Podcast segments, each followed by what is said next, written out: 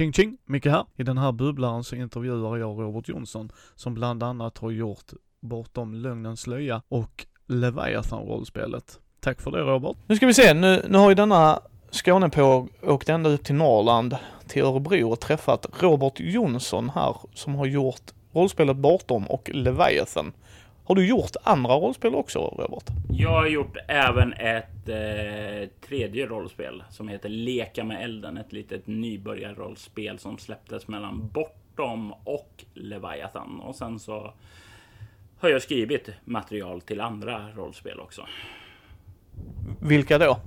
Eh, jag har skrivit material till eh, Engard och Skuggornas Mästare. Jag skrev även eh, en liten berättelse till eh, skräckrollspelet Noctum som släpptes i Sverige. Eh, 2005 tror jag det kom där. Och sen har jag skrivit till de engelska rollspelen Buffy och Angel. Alltså licensspelen till eh, tv-serierna. Nice, nice. Då, då har du gjort lite då, kan vi väl säga då. Ja, lite grann sådär. Ja. Eh, men du har gjort eh, Bortom lögnens slöja. Det heter det väl, men du kallar det oftast Bortom ju. Eh, jag brukar säga som så att jag ligger i en transition phase nu till eh, 2.0 till bortom där jag bara kallar det för bortom då. Lögnens slöja är den första utgåvan som har kommit. Ja, och om du berättar lite, vad handlar Bortom lögnens slöja om? Eh, det är ett skräckrollspel i eh, ja, modern nutid. Eh, det är ett spel som fokuserar på en resa från en personlig skräck till en kosmisk skräck. Där allting handlar om ja, en skräckkänsla. Alltså du, för att känna skräck tror jag att du måste koppla saker och ting till det jordnära, rotade helt enkelt. Du börjar där och sedan sakta eskalerar det. Ja, då kommer du få en resa eh, av härlig mardröm, härliga mardrömsminnen helt enkelt. Hur, hur börjar den processen då? Det började med att eh, jag under tio års tid hade skrivit jättemycket fantasy eh, till Drakar och Demoner. Och eh, jag var så inne i det, det var det enda jag spelade och sen så blev det att jag tröttnade helt och hållet på det. Det blev för mycket överdosering av fantasy. Och eh, då var jag ungefär i ett eh, stadium där jag var redo att eh, testa att skriva ett eget rollspel. Och då satte jag mig ner. Ja, men det är skräck jag vill gå in på nu, för det är mer jag att skrämma folk och i ärlighetens namn skrämma mig själv lite också. Eh, så då började jag sätta mig ner och skriva där. Och sedan bara välde det ut ur mig. Eh, den ena idén efter den andra. Jag skrev en enkel regelsystem, grunden för att bara komma igång och spela och inte ha ett regelsystem i vägen. Utan kunna spinna de här berättelserna. Och sen så kom den ena berättelsen efter det andra, scenario efter scenario och världen började växa. Och eh, ja, eh, den har fortsatt växt. Det finns ett science fiction rollspel nu, men allt där. Det, liksom, det går en röd tråd som började i den här känslan av att göra någonting eget och eh, göra någonting skrämmande. Men hur fick du det? Hur, hur gick processen till? Du satt hemma på kammaren och skrev och sen antar jag att du ville. Tänkte du bara, nej men jag ska ha det här för mig själv? Eller var tanken att du ville publicera det från början? Eh, nej, publicerade ja. Eh, som tryckbok, nej. Eh, utan jag hade ju publicerat mycket av mitt Drakar material på nätet då. Och det var ju det som jag gjorde med eh, Bortom från början då, eller In the Dark som jag kallade på den tiden. Och det var ju därifrån jag fick min första feedback och den här feedbacken gjorde att jag skrev mer. När jag fick mer feedback så kom det ännu mer. Alltså den spiralen gjorde ju att det började expandera och jag hade en vän som hette Tor Daniel Hedengren som drev ett litet förlag som hette Alltid Attack förlag som gav ut lite rollspelsfansin och tanken var också att ge ut hans eh, rollspela ark och eh, splatter eh, då också.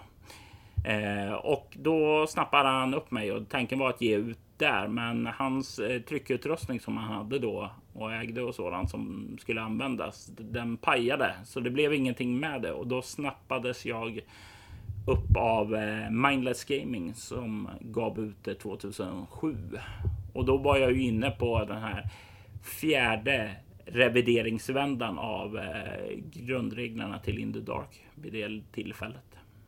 Men hur kom du fram till namnet då? Bortom och sen då Lögnens slöja. Mm. Bortom, det var ju så här brainstormade på det forumet som jag hade då för spelet. Det var förslag efter förslag, för det gäller ju att hitta någonting som du känner att det kan passa ditt spel, att det sitter där och bortom. Alltså, det är så här tvetydigt. Det kan betyda liksom bortom vardagen, bortom grejer, ja, bortom det normala. Och lugnens slöja, det var ju det här att folk vill inte se. Eh, de vill inte se vad som finns där ute egentligen. Det är lättare att blunda istället för att eh, möta det onaturliga, det övernaturliga, det fasansfulla. Och eh, då passade de två orden väldigt bra ihop. Alltså bortom lugnens slöja så finns eh, fasorna. Ja, det, det, det sätter ju sig på minnet lite tycker jag, så det var bra gjort av dig Robert att eh, komma fram till den slutsatsen.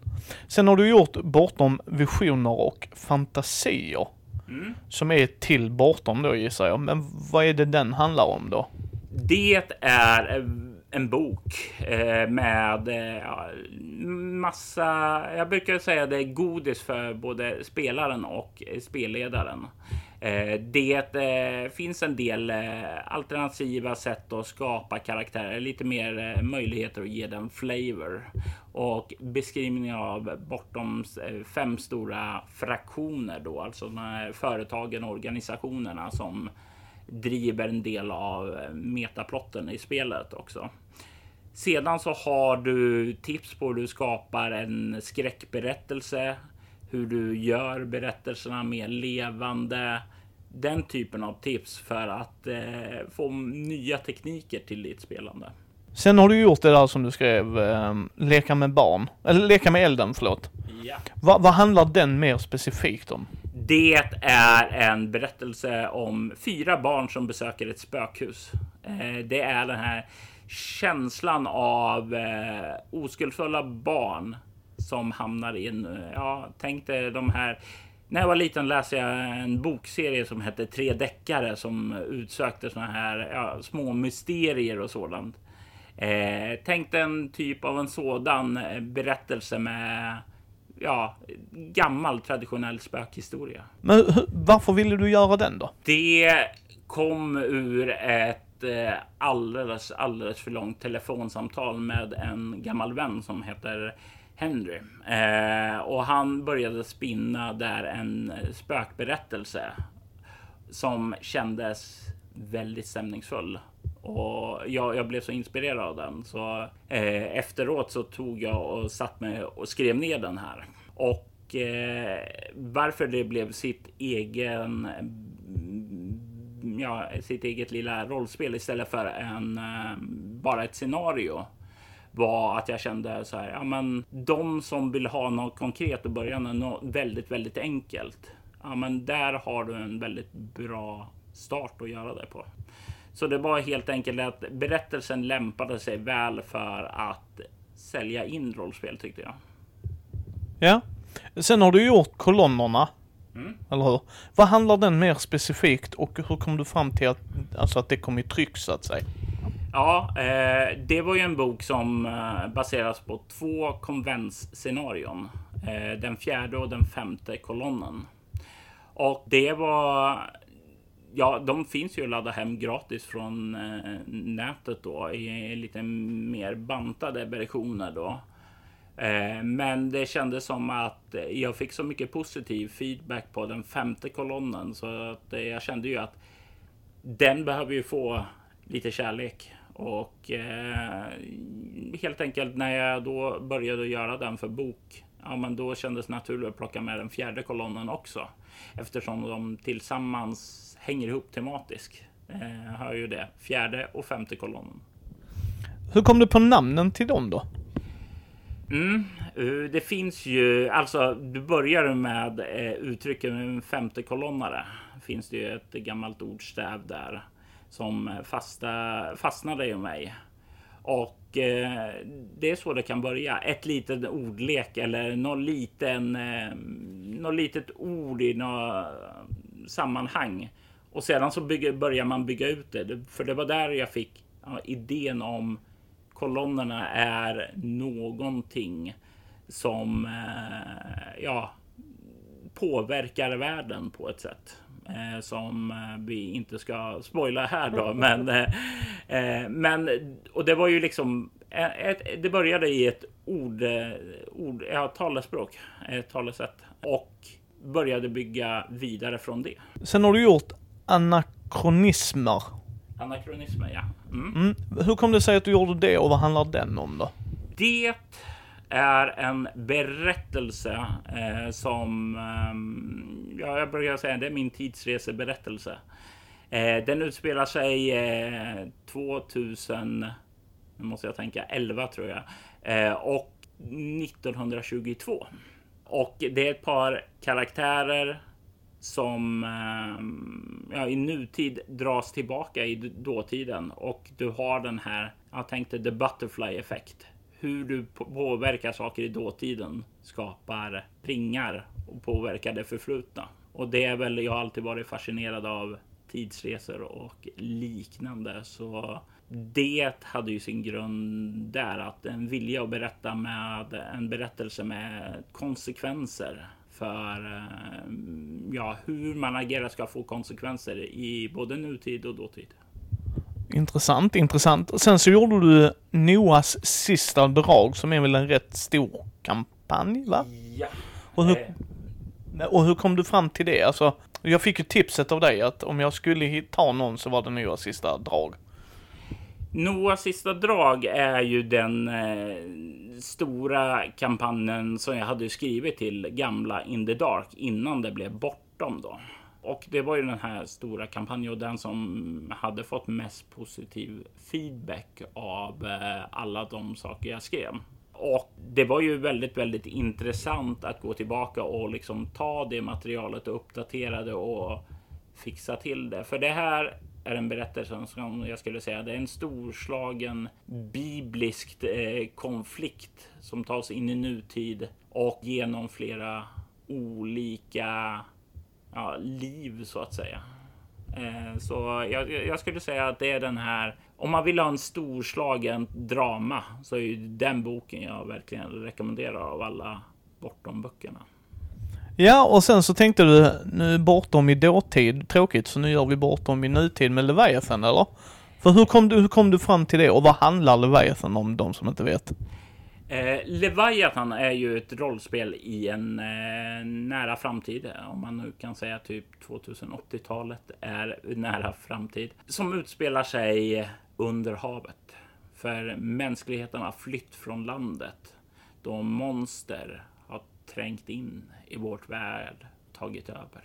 Och det här grundar sig egentligen i något helt annat. Eh, för i början av 2000-talet så var jag väldigt engagerad i en fandom till en tv-serie som hette Sequest. Eh, väldigt kan man säga corny och plojig. Eh, mm, vad heter det om man ser till serier idag? Men just det här, jag har alltid älskat vatten. Eh, och tanken att vara där nere i havet, att det kan existera eh, ja, civilisation där nere. Det är väldigt kittlande för mig. Det är ju, det är ju, du kan ju få till rymd sci-fi fast på jorden där nere på mycket. Du kan vara isolerad. Du kan vara ensam och du kan vara oerhört skrämmande precis som i rymden så kan du inte bara ta och springa ut ur huset och fly därifrån, utan du är fast där. Men jag hade skrivit massor med fanfiction material till den här fandomen och jag tänkte att det här går att göra mer med. Det här går att göra till något eget. Och eh, det var så det började, att jag tog det jag hade, tog bort allting som var knutet till serien, skrev om det, reviderade, uppdaterade. Sen tog jag in en medskribent som heter Kalle Odnoff eh, som kom med feedback och det reviderades och blev muterade till en annan form. Och eh, det, det är någonting som jag känner är rätt stolt att vi kunde skapa en berättelse där det inte bara handlar om karaktärer utan i det så skapar man sin egen äventyrsplats, sin bas och eh, skapar eh, helt enkelt sina egna förutsättningar för en berättelse. Ja, och sen gjorde du Skuggstaten också. Och eh, hur kom den till liv och vad var tillför den till Leviathan då? Det jag skulle säga inte bara till Leviathan utan bortom också. Skuggstaten är crossovern mellan Bortom och Leviathan. Den utspelar sig år 2050. Det är ja, det är en berättelse där händelser från bortom får ett klimax och ett scenario som sätter scenen för Leviathan i sig. Det handlar om en terrororganisation som heter Skuggstaten som sprider ja, våldsamheter över världen mot religiösa mål och banar vägen för en ny hemsk eller utopisk framtid beroende på hur man väljer att se det. Men hur kom det sig att du ville göra den då? I grunden för att det är en. eh, Det var en cool story som jag fick i mitt huvud och eh, den behövs för att eh, sätta saker i Leviathans. Eh, ja, i Leviathans story, för jag, jag, jag är ju en person som främst drivs av berättelseskapande. Att skapa en story och eh, saker i Leviathan Story krävs plantering innan de kan få bära frukt i själva Leviathan. Så det kändes som att det här är också ett bra sätt att länka samman rollspelen och visa att de hör ihop. Ja, och sen gjorde du ju Villovägar också. Mm. Vad handlar den om och hur kom du fram till den? Det är ju ett gammalt konventsscenario. Eh, och eh, det består helt enkelt, tänk dig en eh, ja, typ Firefly-besättning. Eller ja, ja, helt enkelt du lever i en värld, tar små skitiga uppdrag och eh, försöker överleva vardagen. Och de uppdragen som fanns med var ju där också av en väldigt tydlig användning för att vi anledning ska jag säga eh, för att visa ja, den här typen av olika uppdrag kan du spela Leviathan. Du kan spela diplomatisk eh, handelsuppdrag. Du kan bärga skeppsvrak. Du kan råka ut för sjöodjur. Det var en eh, helt enkelt en poster för att visa olika möjligheter för berättelser i Leviathans värld. Ja, och sen gjorde du ju Polaris, Smugglarnas stad. Hur kom det till och vad, vad tillför den till Leviathan då?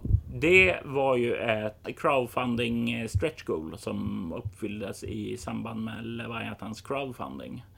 Och det är ju en stats, eh, ja, en eh, stadsbeskrivning, en äventyrsplats att eh, kunna ha sina berättelser kring och presentera mer av världen. Det är en av de här stora städerna som finns i Leviathans värld. En faktiskt den äldsta stora staden, den första som byggdes där nere i havet. Och återigen, det är ju för spelledaren fler saker att använda i sin berättelse. En naturlig äventyrspunkt. För, och för spelarna så är det ju ja, mer att utforska, mer att sätta tänderna i. Och sen så finns det lite sådana extra regler, några nya arketyper och sådant kan man skapa karaktärer kring också. Ja, och sen gjorde du Under ytan volym 1.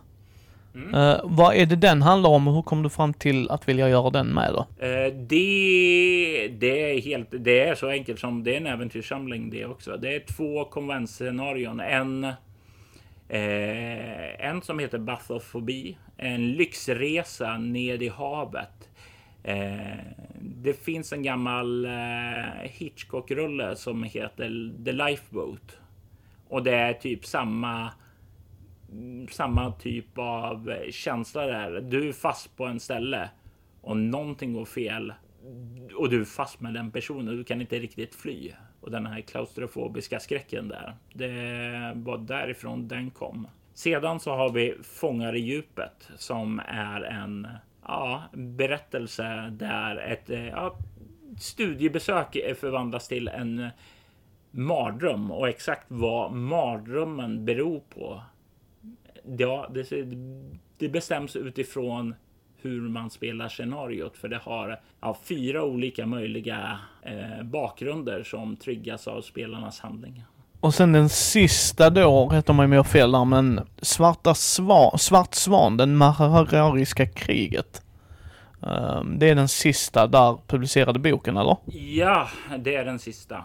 Eh, för tillfället. Det kommer mera. Ja. Svart Svan, det är ju, tar ju upp helt enkelt om du vill, istället för en bas, vill ha ett skepp som grogrunden för dina berättelser. Det tar upp hur du skapar eh, hur du skapar en eh, skepp. Eh, det tar också upp flertalet eh, marina yrkes, eh, yrken då så att säga som du kan välja mellan.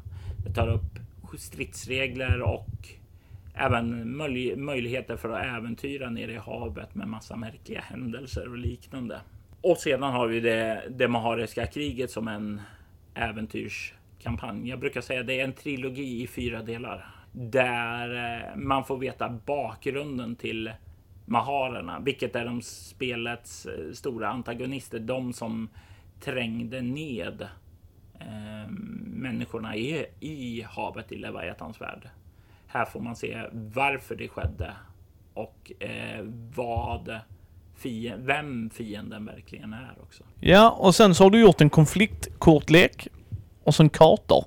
Hur kom du fram till att du ville ha det för det har ju inte bortom. Eh, nej, eh, det stämmer. När jag skapade Leviathan så la jag ju till konfliktregler, alltså ett sätt att enkelt hantera konflikter av olika slag på samma sätt. Bortom hade ju ja, standard. Ja, men det här är stridsreglerna. Det här är. Ja, och sen fanns det i ärligt talat ett namn inget mer som en sociala regler, inga stridsregler i, på det sociala fältet så att säga. Så då ville jag ju när jag skrev Leviathan att det vore ju nice om man kunde få en mekanik för att hantera allting på samma sätt. Strömlinjeforma det helt enkelt. Och eh, för att göra det eh, så vill jag också göra de reglerna att eh, de som gillar att ha lite taktiska möjligheter och sådant. Ja, men de ska kunna använda olika manövrar och så för att påverka det. Och när jag hade gjort de reglerna och börjat spela eh, med speltesta med dem så kände jag att ja, men det går rätt mycket tid om alla ska sitta och bläddra och ha sig och komma ihåg vad de hade. Och det var där idén om korten kom. Att kunna dra fram dem, lägga dem, att bara lägga dem eller under sin tid enkelt flippra med det. För eh, det sparar in väldigt mycket tid och det fick spelet att flyta mycket bättre. Ja, och sen så hade du lite kartor också. Mm. Hur, hur, hur fick du till det liksom så att säga? Det kommer ju att säga att eh, kartorna var snygga. Eh, de förtjänar att synas och eh, spelar man dessutom en kampanj där man reser väldigt mycket i havet så är det väldigt praktiskt att kunna markera ut hur man reser också. Eh, jag tror alla som har spelat någon så här global kampanj eller sådant har någon gång känt den här känslan från Indiana Jones-filmerna när man ser hur de åker från en plats och det dottar upp över en sån här karta som syns på skärmen. Att kunna göra något liknande där. Uh, och sen så, vem har gjort illustrationen till Bortom? Det är... Uh, nu ska vi se här. Bortom var det ju... Jag hade ju Reine Rosenberg då eh, som gjorde mycket illustrationer och i första boken så ja, det var väl Daniel Tolins första eh, rollspelsillustrationer där då också. Och de hade ju merparten. Eh, ja, det var väl Daniel Tolin som gjorde de mesta illustrationerna i de flesta böcker. Eh, förutom Noahs sista drag där det var någon annan som gjorde dem. Eh, jag vågar inte säga vem för jag, det är två illustrationer som illustratörer som heter nästan samma. Så jag vågar inte säga fel namn nu, men eh, eh det skilde sig. Det, men de andra bortom böckerna var det mestadels Tolin som tecknade. Hur, hur såg den processen ut? Eh, jag, jag, brukar ju göra som så att eh, jag eh, försöker fånga en eh, scen ur berättelsen där ungefär illustrationen ska vara. Eh, sedan så blev det att jag skriver eh, ett bildmanus. Det här syns i scenen. Det här är känslan jag vill ha. Och eh, om jag har någon typ av casting för en person som ska förekomma i bilden så brukar jag lägga med den också för att ge en bild ungefär hur jag eh, visualiserade personen som var med där. Och sen till Leviathan då? Mm, eh, till Leviathan så var det. Jag ville köra en annan strategi. Jag ville ha det mer glättigt, så det är ju mestadels eh, stora färgillustrationer där. Och det var ju inte riktigt den typen som eh, Reine eller Daniel gjorde då, utan det var ju mer svartvita eh, illustrationer som de pysslade med då.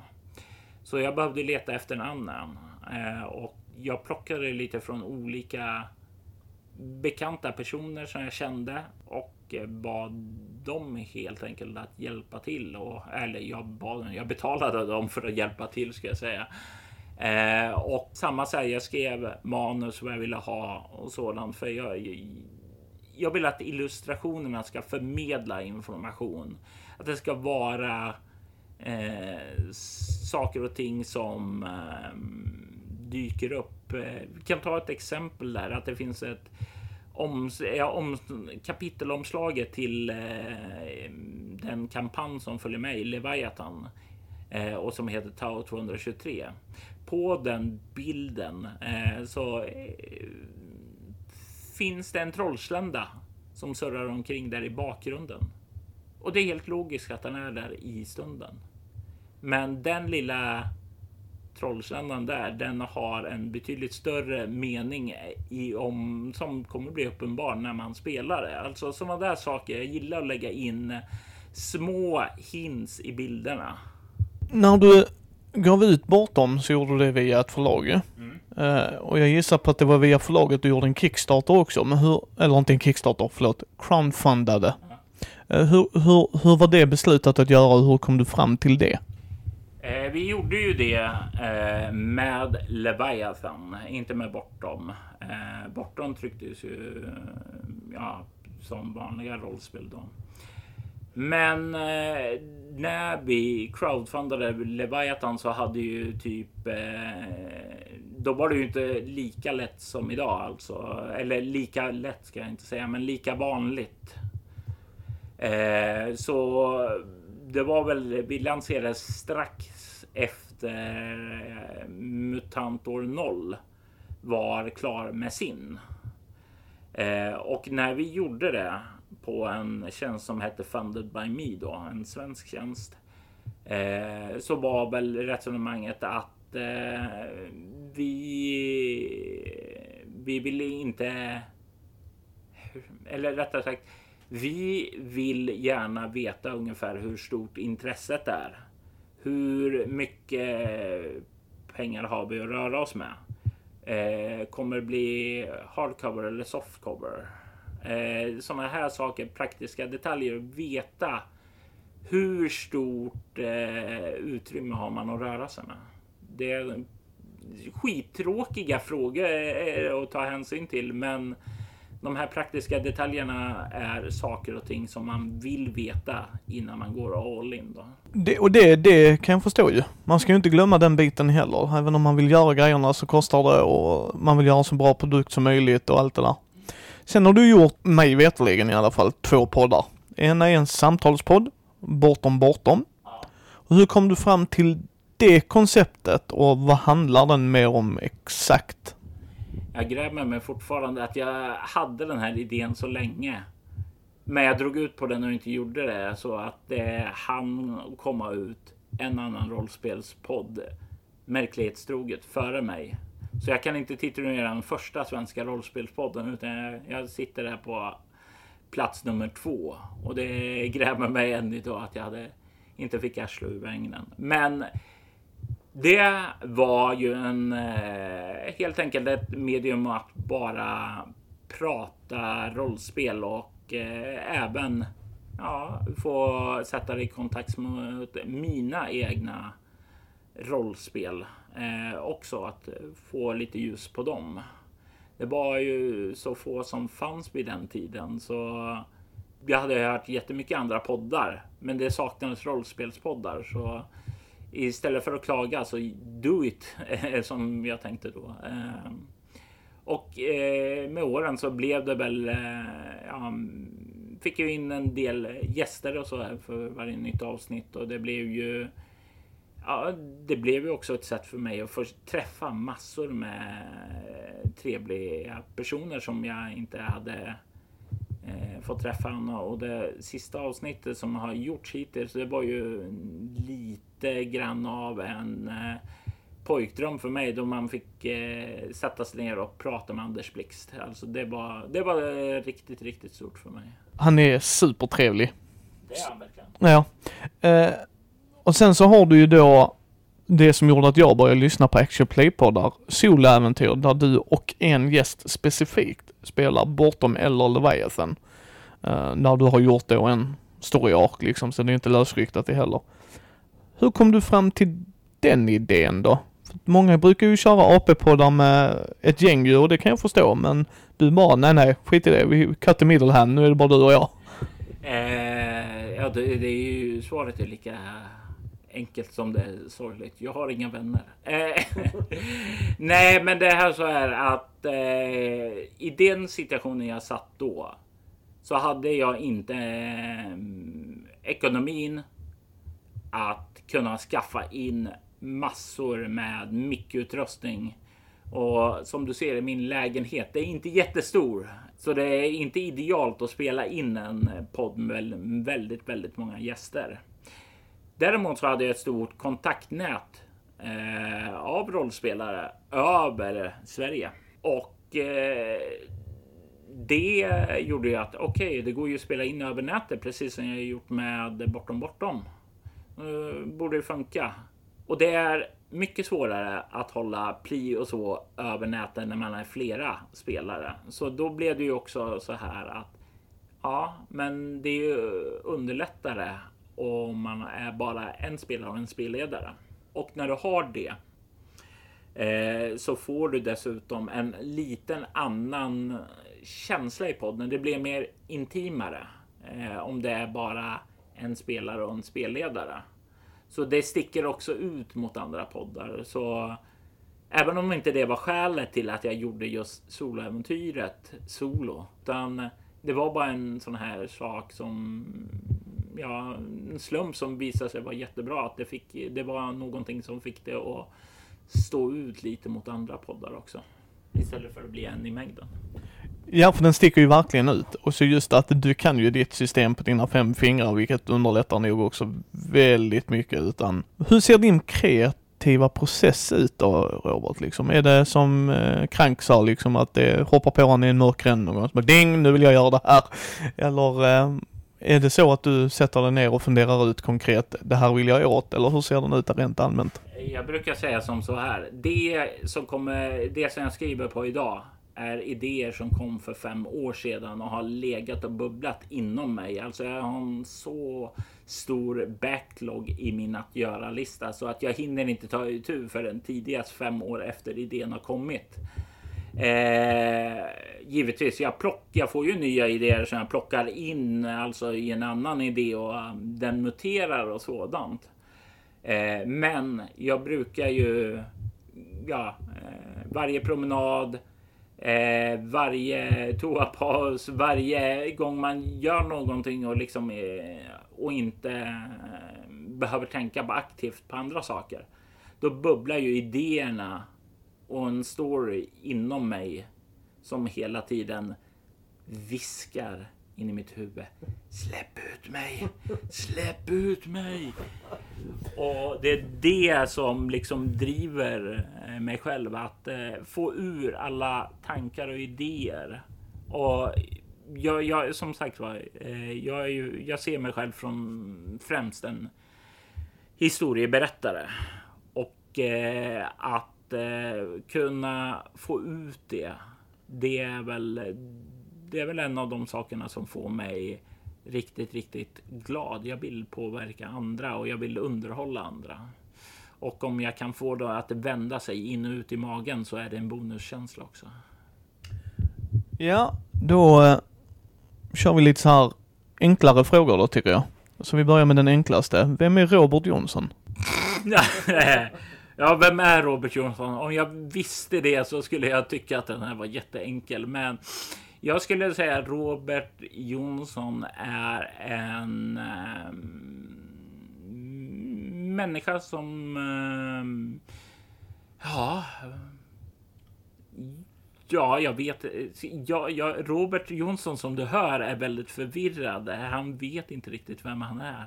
Nej, men han, eh, han är en person som gillar eh, underhålla. Han gillar också att få människor att eh, må bra. Han sysslar lite som eh, arbetar till vardags med att hjälpa folk som eh, lever i ett boende och kanske inte har de bästa eh, förhållanden.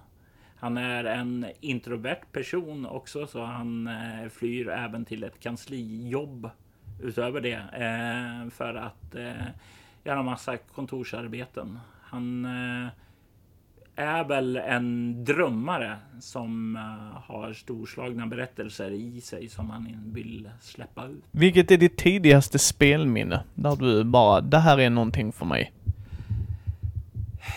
Eh, Elric omslaget på uh, Drakar och Demoner 3.0 fick mig att uh, få upp ögonen för rollspel.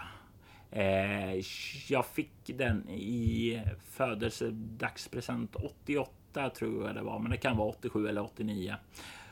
Och fick det här och tyckte det var jättehäftigt, men förstod inte hur det skulle användas. Så kom jag upp till Norrland där eh, min kusin bodde. Vi var uppe i eh, farsans gamla barndomshem och jag såg då att min kusin hade den där lådan. Och jag som var tre år yngre var ju den här jobbiga kusinen i hans ögon. Jag, jag, jag bara, kan vi inte spela? Jag bara, nej. Jo, snälla, snälla. Och nej. Och sen så fick jag med mig min bror och min kusins bror att eh, börja tjata på honom. Han bara, Okej, okej, okej. Och vi fick göra karaktärer. Det var skithäftigt och jag gjorde en kvinnlig jägare. Eh, efter illustrationen ur Drakar eh, och Demoner till Kommunals yrkesbeskrivning. Och eh, fem minuter efter jag hade startat så hade han dödat oss. men vi, vi var ju fantastisk hook om det där och jag vet inte om min kusin kände sig lite dålig av att döda oss för att slippa oss. För under kvällen och natten så skrev han ett scenario och eh, det där scenariot spelade han dagen efteråt. Och eh, jag vet inte, det var några dagar, en vecka eller sådant eh, efteråt. jag var ju helt hooked där, så jag brände hela semesterkastan och eh, dagen innan vi åkte så hade jag köpt Drakar och Demoner Expert och Enhörningshornet. Och vi spelade Enhörningshornet den kvällen innan vi åkte. Och det var där liksom som jag var helt såld den där sommaren 1990. Som förändrade mitt liv för alltid. Eh, det låter jättekorny, men det gjorde faktiskt det. Ja, men det, det är så va. Eh, vi är ju också en brädspelspodd ju. Spelar du brädspel? Eh, under pistolhot. Nej, nej, men alltså. Jag är ingen emot brädspel, men jag spelar inte eh, särskilt mycket. Jag har lite brädspel. Eh, jag har spelat lite av dem, men typ eh, under uppväxten och så fanns det inte riktigt tiden för det. Visst, jag spelar Talisman, jag spelar Drakborgen. Det, det är typ. Eh, ja, och givetvis Hero Quest också. Eh, men det är typ de typerna av spelen som gjorde eh, det här mer avancerat som eh, Ameritrash och eh, nu kommer jag inte ihåg eh, ja, Gero-smaken då. Eh, Euro, det är liksom, eh, min, min följdfråga är sen, är du mer Euro eller Ameritrash-spelare? Eh, de har jag inget, de har jag mycket sämre koll på, men jag har ju spelat en del av de här spelen som Arkham Horror och sådant, så jag, det är väl Ameritrash, så jag, då säger jag Ameritrash. Eh, vilket är ditt favoritbrädspel då?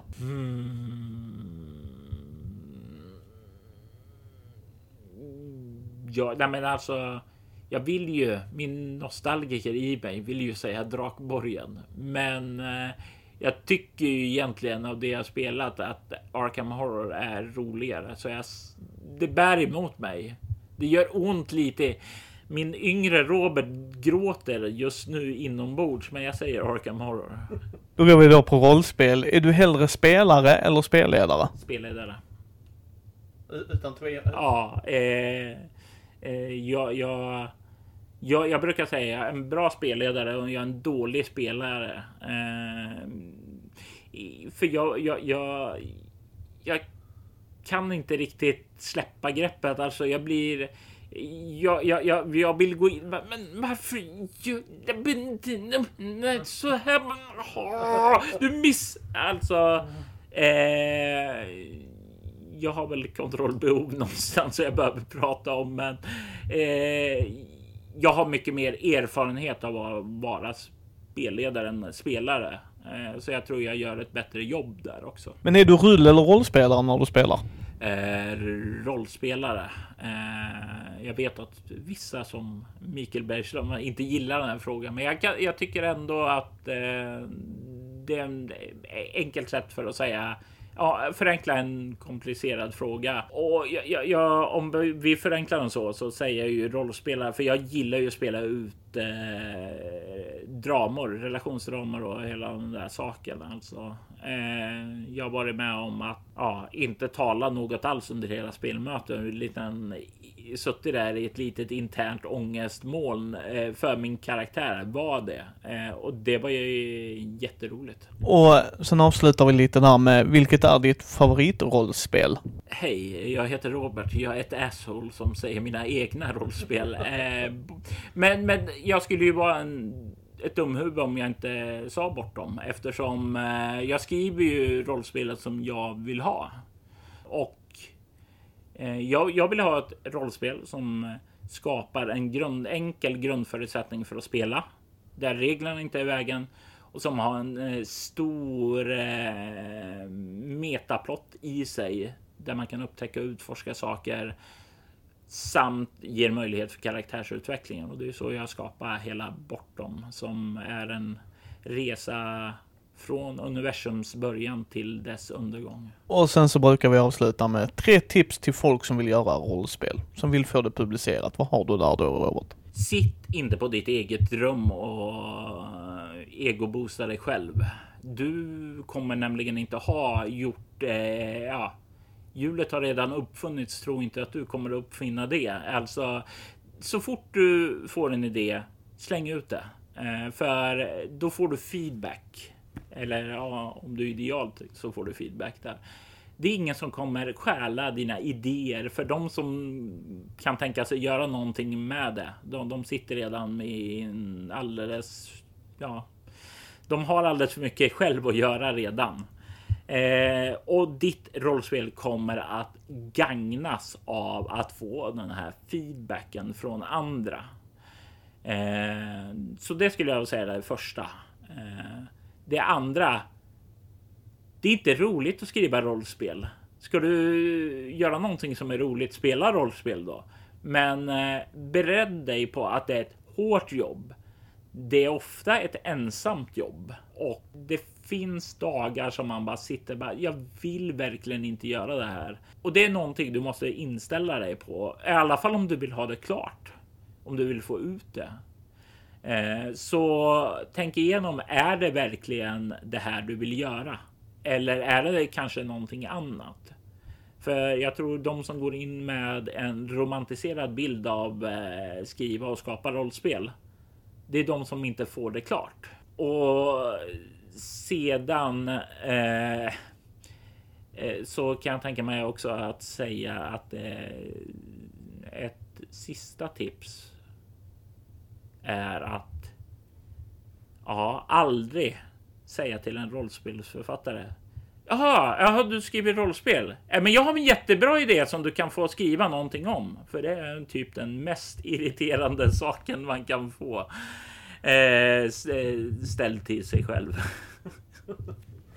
men då, då vill vi passa på att tacka dig här på Mindy, Robert, för att du ville göra den här intervjun. Och så tycker jag att folk ska faktiskt gå in och lyssna på Bortom och eh, framförallt soloäventyr, för det fick mig inte till AP-poddar, för du gör ett fantastiskt jobb där. Nu är jag ju förkärlek för skräck redan nu, men jag tyckte du gjorde en bra grej just för att man märker att du har en metaplott. Alltså du har redan bestämt liksom mycket av det här kommer det handla om och sen så att man får höra olika personer då som gästar dig. Mm. Eh, och fokuset ligger på dem också. Ja, eh, vill ju sätta dem i spotlighten så. Och sen så vill jag också tro att eh, vad heter det, sättet jag berättar historia är ju för att underhålla. Jag håller på med det länge som sagt var. Och sedan så tror jag på att eh, personers val i podden också ska få konsekvenser. Eh, jag, jag brukar säga som så här, jag har ja, allt ifrån två till fem alternativa slut som varje scenario kan få. Bara just för att stärka det, att valen ska betyda någonting. När det går dåligt för dig, ja men då får du skylla dig själv. Ja, så som sagt, tack så hemskt mycket. Tack för att jag fick komma. Tack för att ni lyssnar på Mindys bräd och rollspelspodd. Eh, ni hittar oss på mindy.nu eller på Mindys bräd och rollspelspodd på Twitter, Facebook, Instagram, Youtube. Ni får gärna gå in och ge oss betyg på iTunes eh, och på vår Facebook så att fler kan hitta oss. Och så hörs vi nästa måndag.